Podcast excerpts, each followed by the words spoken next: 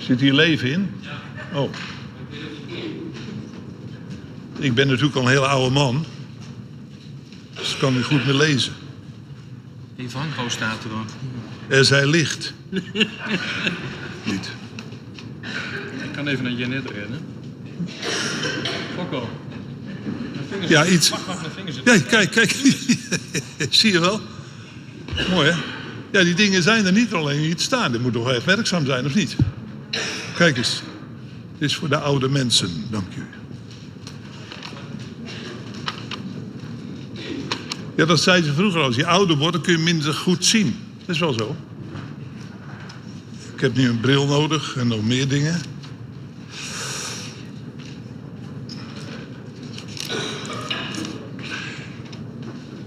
Ik eh, denk dat verschillende van u de afgelopen weken ook wel de voetbalwedstrijden hebben gezien op de televisie of waar dan ook. Hebben sommige mensen dat nog gezien? Het geweldige Nederlands elftal gezien? Fantastisch. Ons nationale verbindingsmiddel. Nou, ik had gemengde gevoelens. Ik heb eh, af en toe gekeken. Maar toen las ik een stuk in de Volkskrant. En ik lees nooit de Volkskrant. Maar nu deze keer wel. En er stond een geweldig stuk in over de Nederlandse voetballers. U vraagt zich af, waar gaat hij heen? Nou, in dat stuk werd er getuigd van Jezus... dat er 16 van de 24 spelers die daar waren... bij elkaar kwamen om de Bijbel te bestuderen... om te bidden. En er was een hele positieve lichtatmosfeer in de groep. Nou, daar word ik blij van. Ja, toch? Wij bidden voor Nederland. Op 8 oktober eh, lagen we hier in Zwolle op de knietjes. Hebben het onze vader gebeden om half vier met 800 mensen in alle provinciehoofdsteden. Daar was ik heel enthousiast over. Met het thema was Nederland keert terug naar God. En we hadden dus een structuur dat in alle hoofdsteden tegelijkertijd gebeden zou worden. Een uur lange wandeling door de stad en dan afsluiten om half vier. Allemaal tegelijk het Onze Vader bidden. Nou, die gebeden die stijgen op. Ik weet niet hoe uw gedachte over bidden is, maar bidden is dus je, een, van de, een van de vormen van gebed. is je deelt je hart met God en dan gaat God zijn hart delen met jou. Dat is bidden. Algemeen gezegd. Nou, wij hadden dat dus gebeden op 8 oktober. En ja, dan ga je toch kijken, waar komt dan op, op, op landelijk niveau een stukje verhoring? En ik vond, dat vond ik, anderen misschien niet, dat God op die manier landelijk sprak door het land. Want miljoenen mensen hebben dat getuigenis van die voetballers gehoord. Ik merk, u wordt razend enthousiast. Geweldig, grandioos. Want God verhoort gebeden. Niet alleen individueel, als ik voor u bid en u krijgt gebedsverhoring, maar ook eh, voor landen. Tegelijkertijd dat ze daar aan het voetballen waren, was er voor ons een team van twaalf mensen, internationale mensen, die hadden daar geproclameerd, uitgesproken. Is een andere vorm van gebed. Je spreekt uit de werkelijkheid van de Bijbel in de zichtbare wereld. En wat deden ze daar? Zij citeerden daar in Doha, het centrum van eh, de Qat- Qatar. eh, zegt onder de volken, de Heere is koning. Al die eh, tien, hadden ze tien eh, teksten over het koningschap van Jezus. Dus dat werd ook in Doha gedaan. En dat was voor ons de honderdste hoofdstad die bereikt werd met dat proclamatiegebed dat Jezus koning is. Wij geloven dat Jezus koning wordt, maar we geloven ook dat hij koning is. Sinds de hemelvaart is er een nieuwe koning en een nieuw koningschap. En ik ben blij met het kerstgebeuren de komende week, maar ik zie nog uit naar een veel groter gebeuren. Dat kerstgebeuren was pas een begin. De voltooiing komt eraan. Als hij straks terugkomt.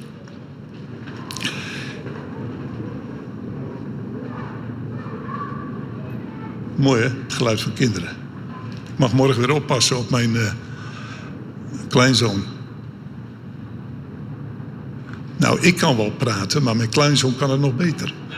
Eigenlijk zou ik een video moeten opnemen en dat samen de hele dag, de hele dag door praten. De hele dag praten met z'n tweeën. Hij is s'avonds doodop.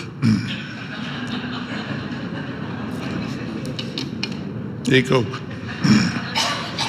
Goed, we gaan een stukje lezen uit de Bijbel, want we leven toch in adventstijd. Ik denk, nou, we gaan de geboorte van Jezus lezen in Matthäus hoofdstuk 1. Daar staat het. De geboorte van Jezus Christus geschiedde al dus. Een van de grootste dingen die plaats heeft gevonden, de grootste in de geschiedenis, is de komst van Jezus. Terwijl zijn moeder Maria ontrouwd was met Jozef, bleek zij, Maria, voordat zij ging samenwonen, zwanger te zijn uit de Heilige Geest. Daar nu Jozef haar man rechtschapen was en haar niet in opspraak wilde brengen, was hij van zins in stilte van haar te scheiden. Dat staat hier. Toen die overweging bij hem opkwam, zie een engel des Heren verscheen hem in een droom en zeide: Jozef, zoon van David, schroom niet Maria, uw vrouw, tot u te nemen, want wat in haar verwekt is, is uit de Heilige Geest. Ze zal een zoon baren en ge zult hem de naam Jezus geven, want hij is het die zijn volk zal redden van hun zonden. Dit alles is geschied, opdat vervuld zal worden hetgeen de Heer door de profeet gesproken heeft toen hij zeide, zie, de maagd zal zwanger worden en een zoon baren en men zal hem de naam Immanuel geven, hetgeen betekent God met ons.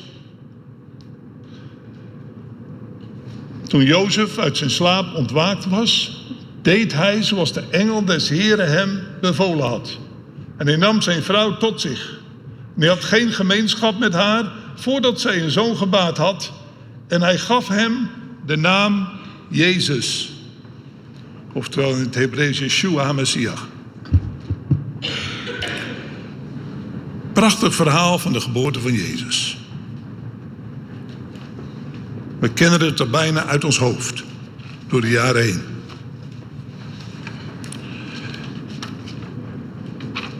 Belangrijk om te zien hoe heeft dit plaatsgevonden? Wie waren hierbij betrokken? De Bijbel zegt dat het plan van God was voor de grondlegging der wereld. Dus God in zijn alomtegenwoordigheid en alwijs zag als ware al dat dit zou geschieden. Hij schiep de hemel en de aarde. Hij gebood het en het stond er. Dat is iets anders dan de evolutietheorie. Hij sprak en het stond er. Want hij heeft alles gemaakt door zijn woord. En hij creëerde de hemel en de aarde met een doel. En dat doel vind je hierin terug. De hele reden van het ontstaan van de schepping had hiermee te maken. Wat u in de komende dagen regelmatig zal horen. En volgende week overal wordt gezegd. Jezus is geboren, zoals we net gezongen hebben. Hoe ging dat in zijn werk?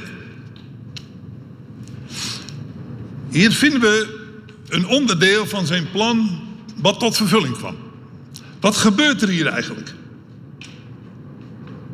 Maria, uitverkorene, was ondertrouwd met Jozef, bleek zwanger te zijn. Een vreemdsoortig zwangerschap. Wij doen in onze geloofsbeleidenis altijd uit de maagd Maria. We geloven in de onbevlekte ontvangenis, zoals in de katholieke kerk zo, zo sterk benadrukt wordt. Onbevlekt ontvangenis. Ze had geen gemeenschap met een man en toch was ze zwanger. Hier zien we waardoor ze zwanger werd.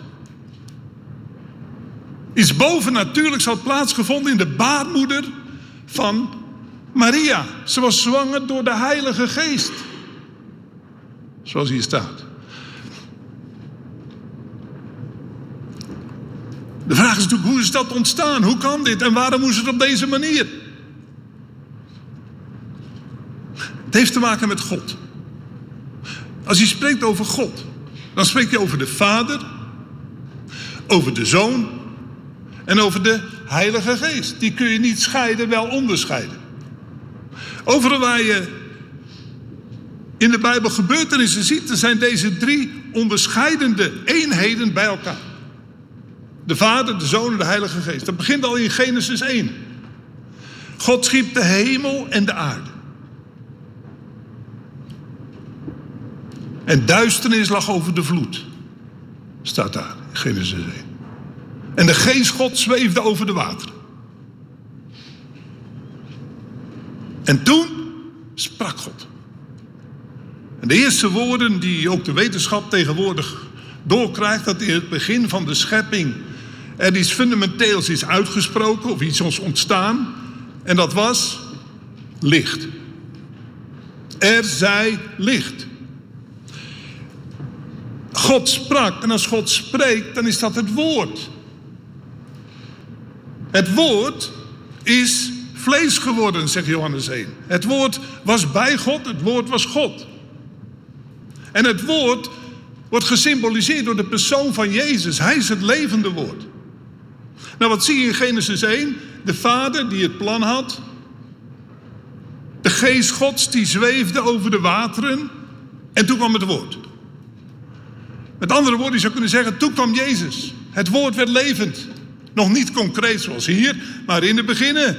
De hemel en de aarde werden geschapen door het woord.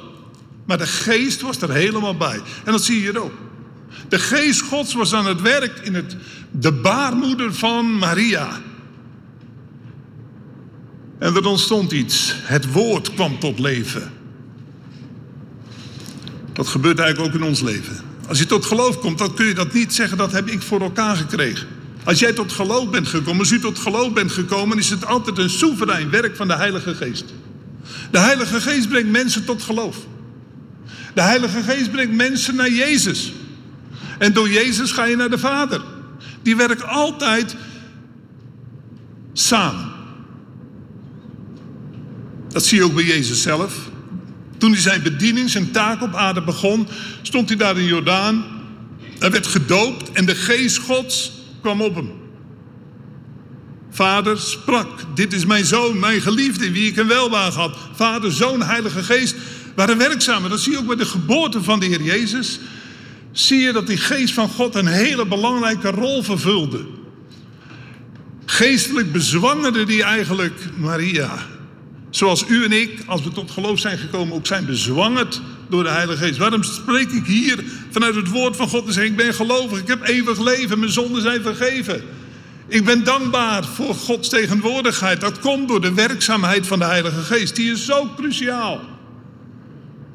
Daarom zegt Paulus ook in Efeze 5, wordt vervuld met die geest. Want als de geest van God komt, dan kan het woord levend worden.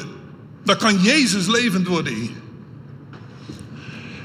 Daarom is het christelijke leven ook gekenmerkt door de doop. Wat jullie gaan doen op 22, 22? Ja, 22 januari. Maar ook vervulling met de Heilige Geest. Je moet dagelijks mag je bidden om die vervulling met de Heilige Geest. Dan word je zwanger van de hemel. Gebeurt hier.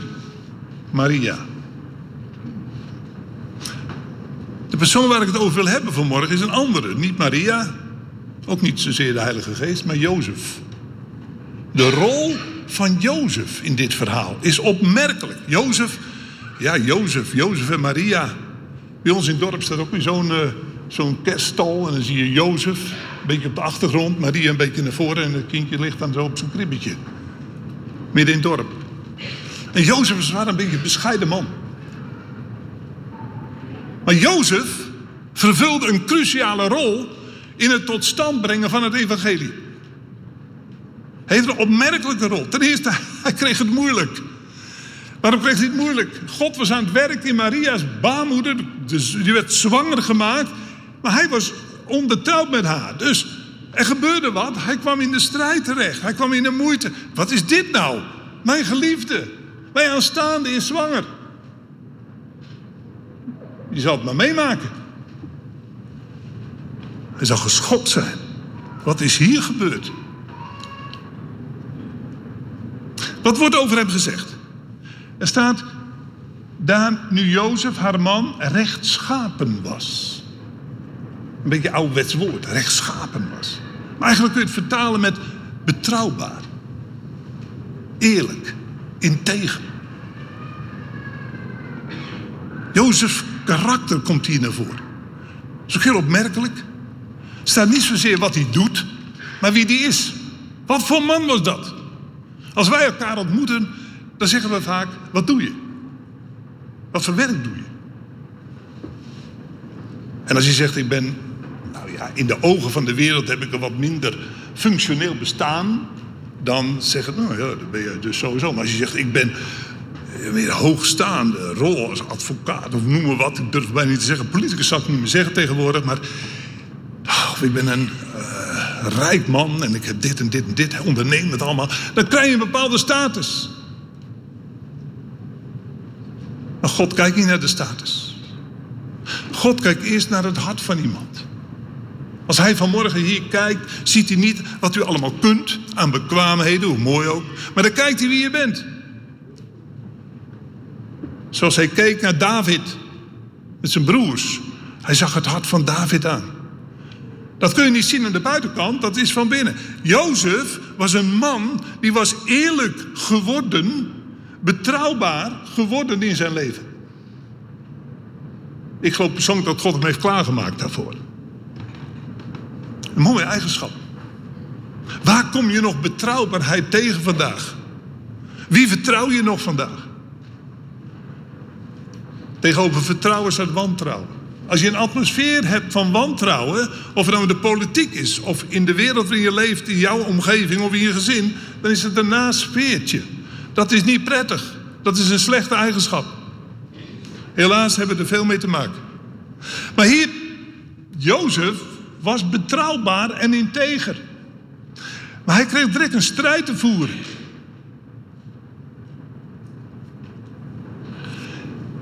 Ik denk, als de normale mensen hier gestaan hadden en je had gehoord dat je vrouw of je aanstaande vrouw zwanger zou zeggen: Nou, bekijk het maar, ik zoek mijn eigen weg wel op. Zoek een ander op. Bam. Maar hij niet. Hij had een liefde voor die vrouw. En hij was betrouwbaar. En hij had een worsteling. Hij had een strijd voeren. Hoe moet ik hiermee omgaan? Het is opmerkelijk dat waar God verschijnt, dat er vaak strijd is in levens van mensen. Dan moet je je weg gaan zoeken. Ook, ook heer Jozef moest strijden om dit probleem. Wat moet ik hiermee? En hij kwam tot een conclusie om in stilte van haar te scheiden. Waarom hebben wij vaak zulke worstelingen in ons leven? Waarom hebben christenen het vaak moeilijker dan niet-christenen? Omdat wij eerlijk willen zijn. Ik moet denken aan een aannemer die ik kende, die kwam tot geloof in Jezus. En die had altijd zwart gewerkt. En na zijn omkering stopte hij daarmee. Ik wil niet meer zwart werken. Kreeg hij het moeilijk. God overtuigde hem, dit kan niet. Maar ja, wat betekent dat? Minder inkomsten. In eerste instantie. Wat is de vrucht daarvan? Een groeiende betrouwbaarheid. Hij wilde betrouwbaar zijn. Hij wilde eerlijk worden. Hoewel het hem geld kostte. Maar wat is kostbaarder? Een zak vol geld of een betrouwbare karakter? Hij koos voor het laatste. Evenals Jozef hier betrouwbaar was. En worstelde ermee. Hij kwam tot de conclusie. Ik moet die weg gaan. Hij wilde van haar scheiden. En dan gaat er iets gebeuren. Dat deed hij niet zomaar. Jozef was ook godsvruchtig. Was een gelovige Israëliet. Hij kende de verhalen van de Bijbel. Hij wist uit wat voor geslacht hij kwam. En hij hoorde bij het volk wat uitverkoren was om de Messias voor te brengen. Wonderbaarlijke werking voordat er is nog heftiger gebeurd. Want wat zien we gebeuren? Vanuit die worsteling die Jozef had, die God zag, begon God te werken in zijn leven. Dat is het tweede wat je ziet bij Jozef. God kon tot hem spreken. Door middel van wat? Door een engel. Het is bijna belachelijk als je het zegt vandaag. Ik geloof in engelen. Waarom geloof ik in engelen? Omdat allereerst de Bijbel erover spreekt en veel mensen hebben engelen gezien. Engelen zijn boodschappers van God. Er zijn veel meer engelen dan we ons bewust zijn. Nou, hier zien we een engel opkomen die je later bij duizenden ziet opkomen, bij de, bij, de, bij de herders. Hier zien we de engel begint te werken in het leven van Jozef. Waarom kon die engel werken in het leven van Jozef door middel van een droom? Het is opmerkelijk dat wij in onze hersenen hebben een informatiekant en een verbeeldingskant. En God werkt door visioenen, door dromen heen. Dromen zijn heel belangrijk.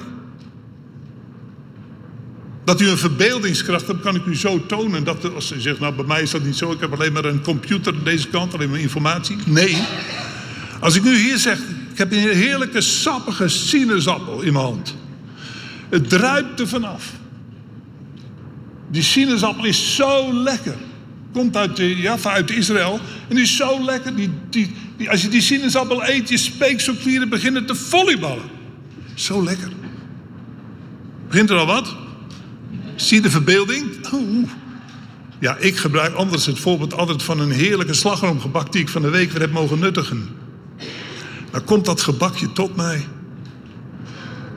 Of ik ga er naartoe. Heb ik er nog niet eens gezien. Maar dan kom, dan kom ik daar. Dan heb ik van tevoren al het hele beeld van die slagroom op dat gebak. Het is ongelooflijk wat er dan met je verbeeldingskracht. Dat gebakje, zoals je dat ook ziet bij die McDonald's. Dan heb, krijg je zo een klein McDonald's uh, hamburgertje. Maar op de reclame, als je de reclame ziet, op die borden, dat zijn zulke hamburgers. Dat is fantastisch. Dan werken ze in op je verbeeldingskracht. En die hamburger wordt alleen maar groter. En als ze er nog wat druppeltjes aan de zijkant bij tekenen. Nou, dan sta je elke morgen om half zes op om, om zeven uur bij de McDonald's te zijn. Dat is je verbeelding. Dat zit in de natuurlijke mens, zit in, gewoon in je hersenen. Je kan het zien. Dus God gebruikt dat. Jozef was een godvruchtig man. Hij was open voor God. En daarom begon God te spreken tot hem. Door middel van die engel.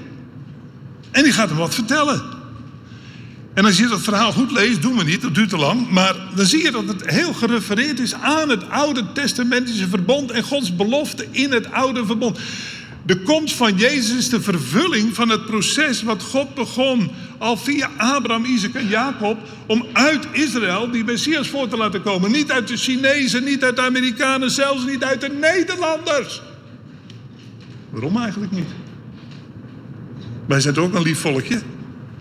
Nee. Hij had Israël gekozen. En God is nog steeds bezig met Israël.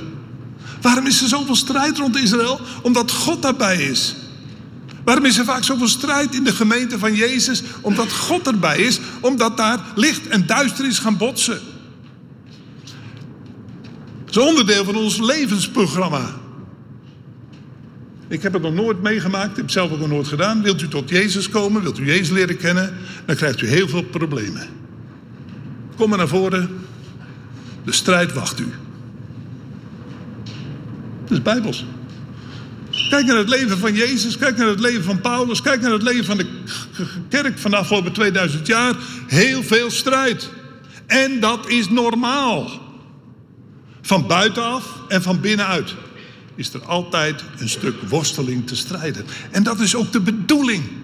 Want wij moeten vernieuwd worden. Wij moeten worden, eigenlijk zoals hier staat, zoals Jozef. Jozef was betrouwbaar. Nou, niemand is van nature betrouwbaar, maar hij werd betrouwbaar gemaakt. Jozef was open voor God. Wie van ons is open voor God? Romeinen 3 zegt: niemand is het die God ernstig zoekt. Niemand heeft een diep, intens verlangen van nature om God te gaan zoeken. Als dat niet gebeurt, hoe kan God dan bij u komen? Bij mij komen? Jozef werd aangeraakt en klaargemaakt. Dat is het tweede. En dan en je ziet trouwens in drie verschillende voorvallen dat die engel, die had de druk die dagen, om tot Jozef te spreken door middel van dromen. En dan doet Jozef iets wat ook zo kenmerkend is. Als hij het niet gedaan had, hadden wij hier niet gezeten. Wat deed hij? Heel moeilijk woord. We worden allemaal heel blij van als ik het nu ga uitspreken. Ik denk, laat ik het vanmorgen eens even blij maken hier. Het derde wat je ziet bij Jozef. Waardoor de voortgang van het evangelie plaats heeft kunnen vinden. In het proces van Gods plan. Hij was, ik durf het bijna niet uit te spreken, ik ga het toch doen. Hij was gehoorzaam. Hij luisterde. Je staat, hij deed wat de engel zei. Oeh. Stel dat hij dat niet gedaan had. Later zie je ook dat de engel spreekt dat hij moet vluchten. Stel, u woont in Om, een prachtige plaats in uh, Overijssel. Toch? Overijssel?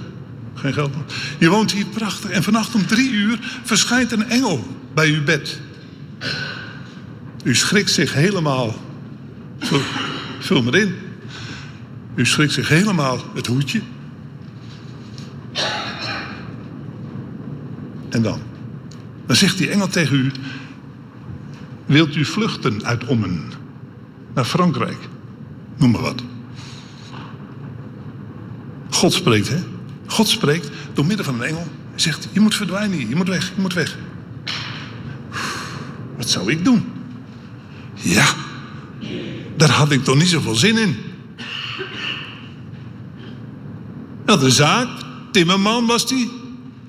Hij woonde daar in Israël. Hij was op pad gegaan. Het kind was geboren. En dan moest hij op een gegeven moment weg. Vluchten. Hij moest vluchteling worden. En God had dat bepaald. Net zoals Abraham geroepen werd uit Galdeeën. Ga naar een land wat ik je wijzen zal. Net zoals die discipelen die aan het vissen waren. En Jezus kwam langs en die sprak. Kom achter mij en volg mij. En wat deden die discipelen? Die geroepenen? Ze deden het. Waarom zeg ik dit? A. Doordat Jozef gehoorzaamde, kon het evangelie gestalte krijgen. Hij werd gebruikt voor Gods plan. Om Gods plan tot verwezenlijking te brengen. Wat is er mooier dan dat? Maar het kostte wel een prijs. Hij moest vluchten. En hij deed het ook nog. Waarom zeg ik dit? Wij zijn mensen in onze normale omstandigheden, zoals Jozef een normaal mens was. Ik hoop dat u zich ook normaal weet. Ik denk dat ik normaal ben. Ben ik normaal? Ja, toch? Een normaal mens. In een gewoon een normale omstandigheden. Of zijn er hier abnormale mensen? Sommigen misschien. Maar wat doet God? God werkt in het normale. Jozef, een normale man, werd geroepen, klaargemaakt om mee te werken aan het grootste plan wat zijn uitwerking zal hebben in het ganse universum tot in alle eeuwigheid. Zo, dat is nog even een, eh, een zin van mij. Hè?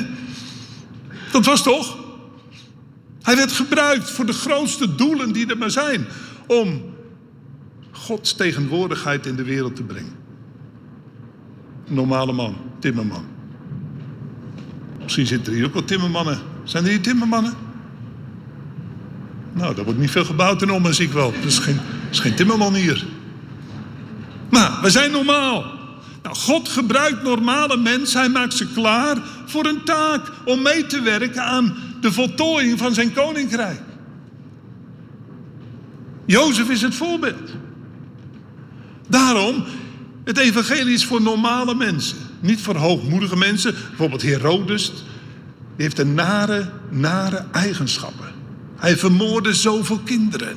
Het was een van de hoge jongens. Van de elite. Die werd niet gebruikt, ja, door de duivel. En denk aan de torenbouw van Babel. Hij riep één man, Abraham, Ur één man. Zo roept hij en kijkt hij naar mensen vandaag die mee willen werken aan zijn koninkrijk en gaan doen wat Jozef deed. En wie Jozef was. De vraag is, die ik zou willen stellen vanmorgen is: wil ik, wil u gebruikt worden voor zijn koninkrijk? Jezus zegt: ga heen in de gehele wereld, maak alle volken tot kerkmensen. Heb je dat gelezen? Maak alle mensen tot kerkmensen. Geef uw tiende. Wees blij. Geniet van het leven. Bababa, baba. Staat er niet. Wat is zijn doel? Zijn doel is: maak alle volken tot mijn discipelen. Wat is een discipel? Een discipel is een volgeling van Jezus die meewerkt aan het tot stand brengen van het evangelie in het nu hier en nu. We leven in 2022, geloof ik. Hier en nu moet het gestalte krijgen. Hoe krijgt dat gestalte? Want God had natuurlijk, nadat Jezus de eerste keer geboren was, had zijn missie kunnen volbrengen. Had hij kunnen zeggen op een maandagmorgen: Het is afgelopen, Jezus, ga maar terug, het is over. Heeft hij niet gedaan. Sommige mensen zeggen dat ook. Waarom? Hij noemt zich het licht der wereld. Moest kijken, in een wereld waarin je leeft is vol corruptie, leugen, bedrog. Waarom grijpt hij niet in? De reden is dat hij u en mij wil gebruiken in de voltooiing van zijn plannen. Discipelen. Jozef is een voorbeeld voor de doorbraak van het koninkrijk Gods. Hij heeft gezorgd dat wij hier zitten vanmorgen. En miljoenen, miljoenen, honderden miljoenen anderen over de hele wereld. En vandaag, precies hetzelfde proces. Hij heeft de gemeente geroepen. En wat is gemeente? Gemeente zijn mensen. Je hoort vaak mensen zeggen, de gemeente. Ik zeg, wat is de gemeente? De gemeente, dat ben ik. En wat moet er met mijn leven gebeuren? Ik moet worden qua karakter en qua gehoorzaamheid zoals Jozef.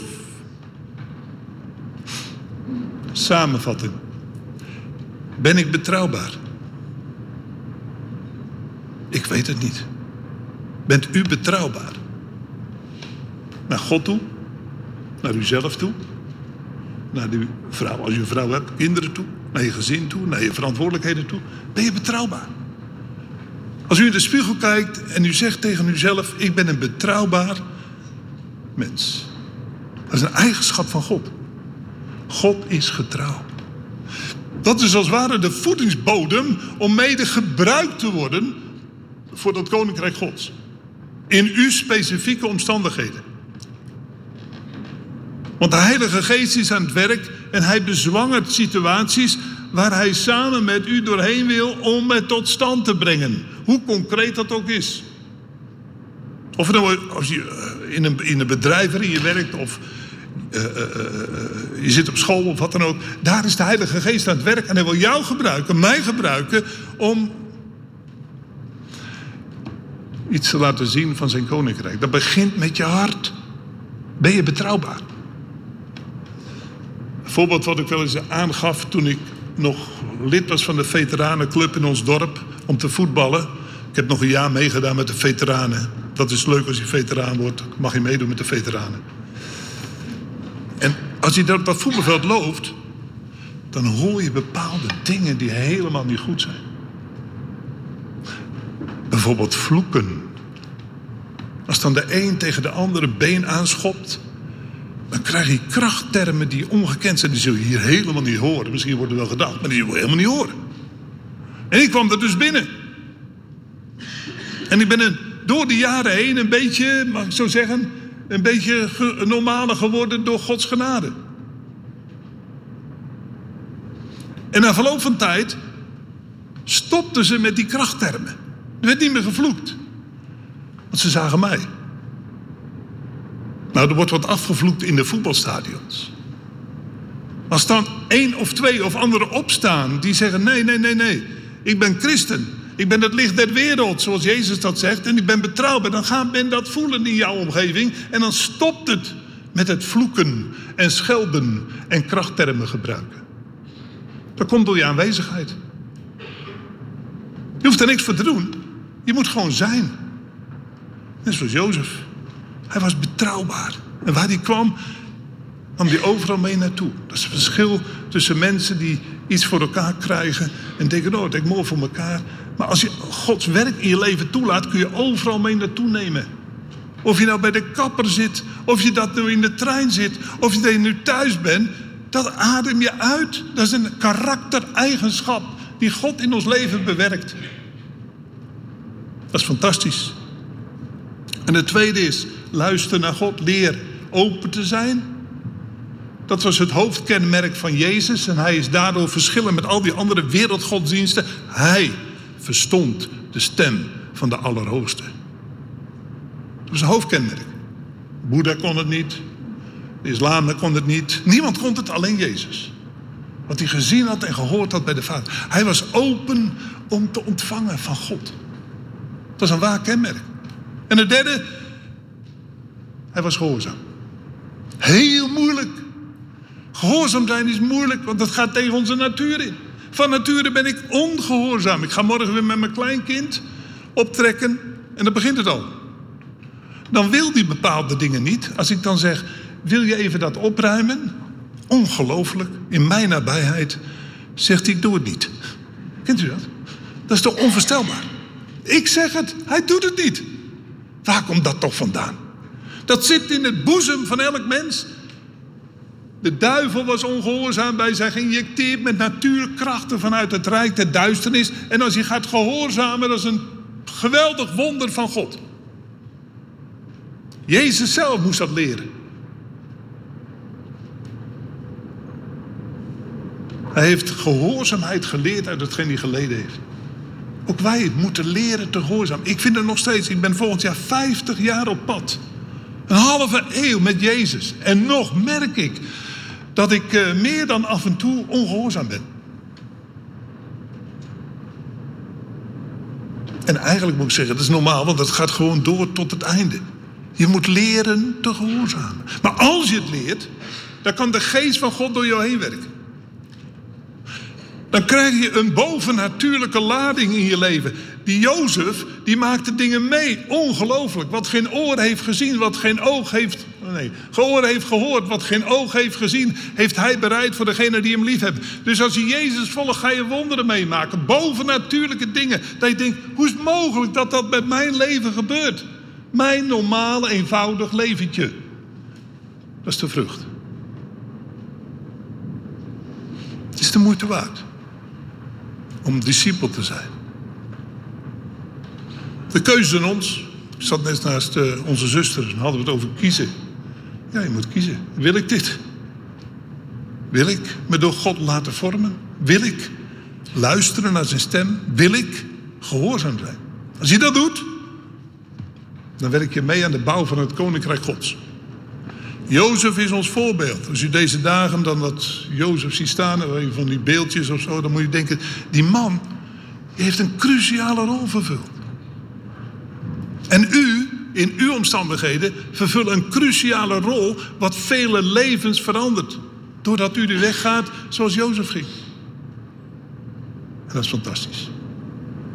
Laten we bidden.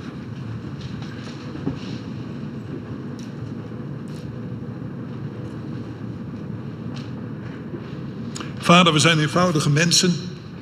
Zoals Jozef een eenvoudige timmerman was. Zoals de discipelen eenvoudige vissers waren. En daar begon u in te werken.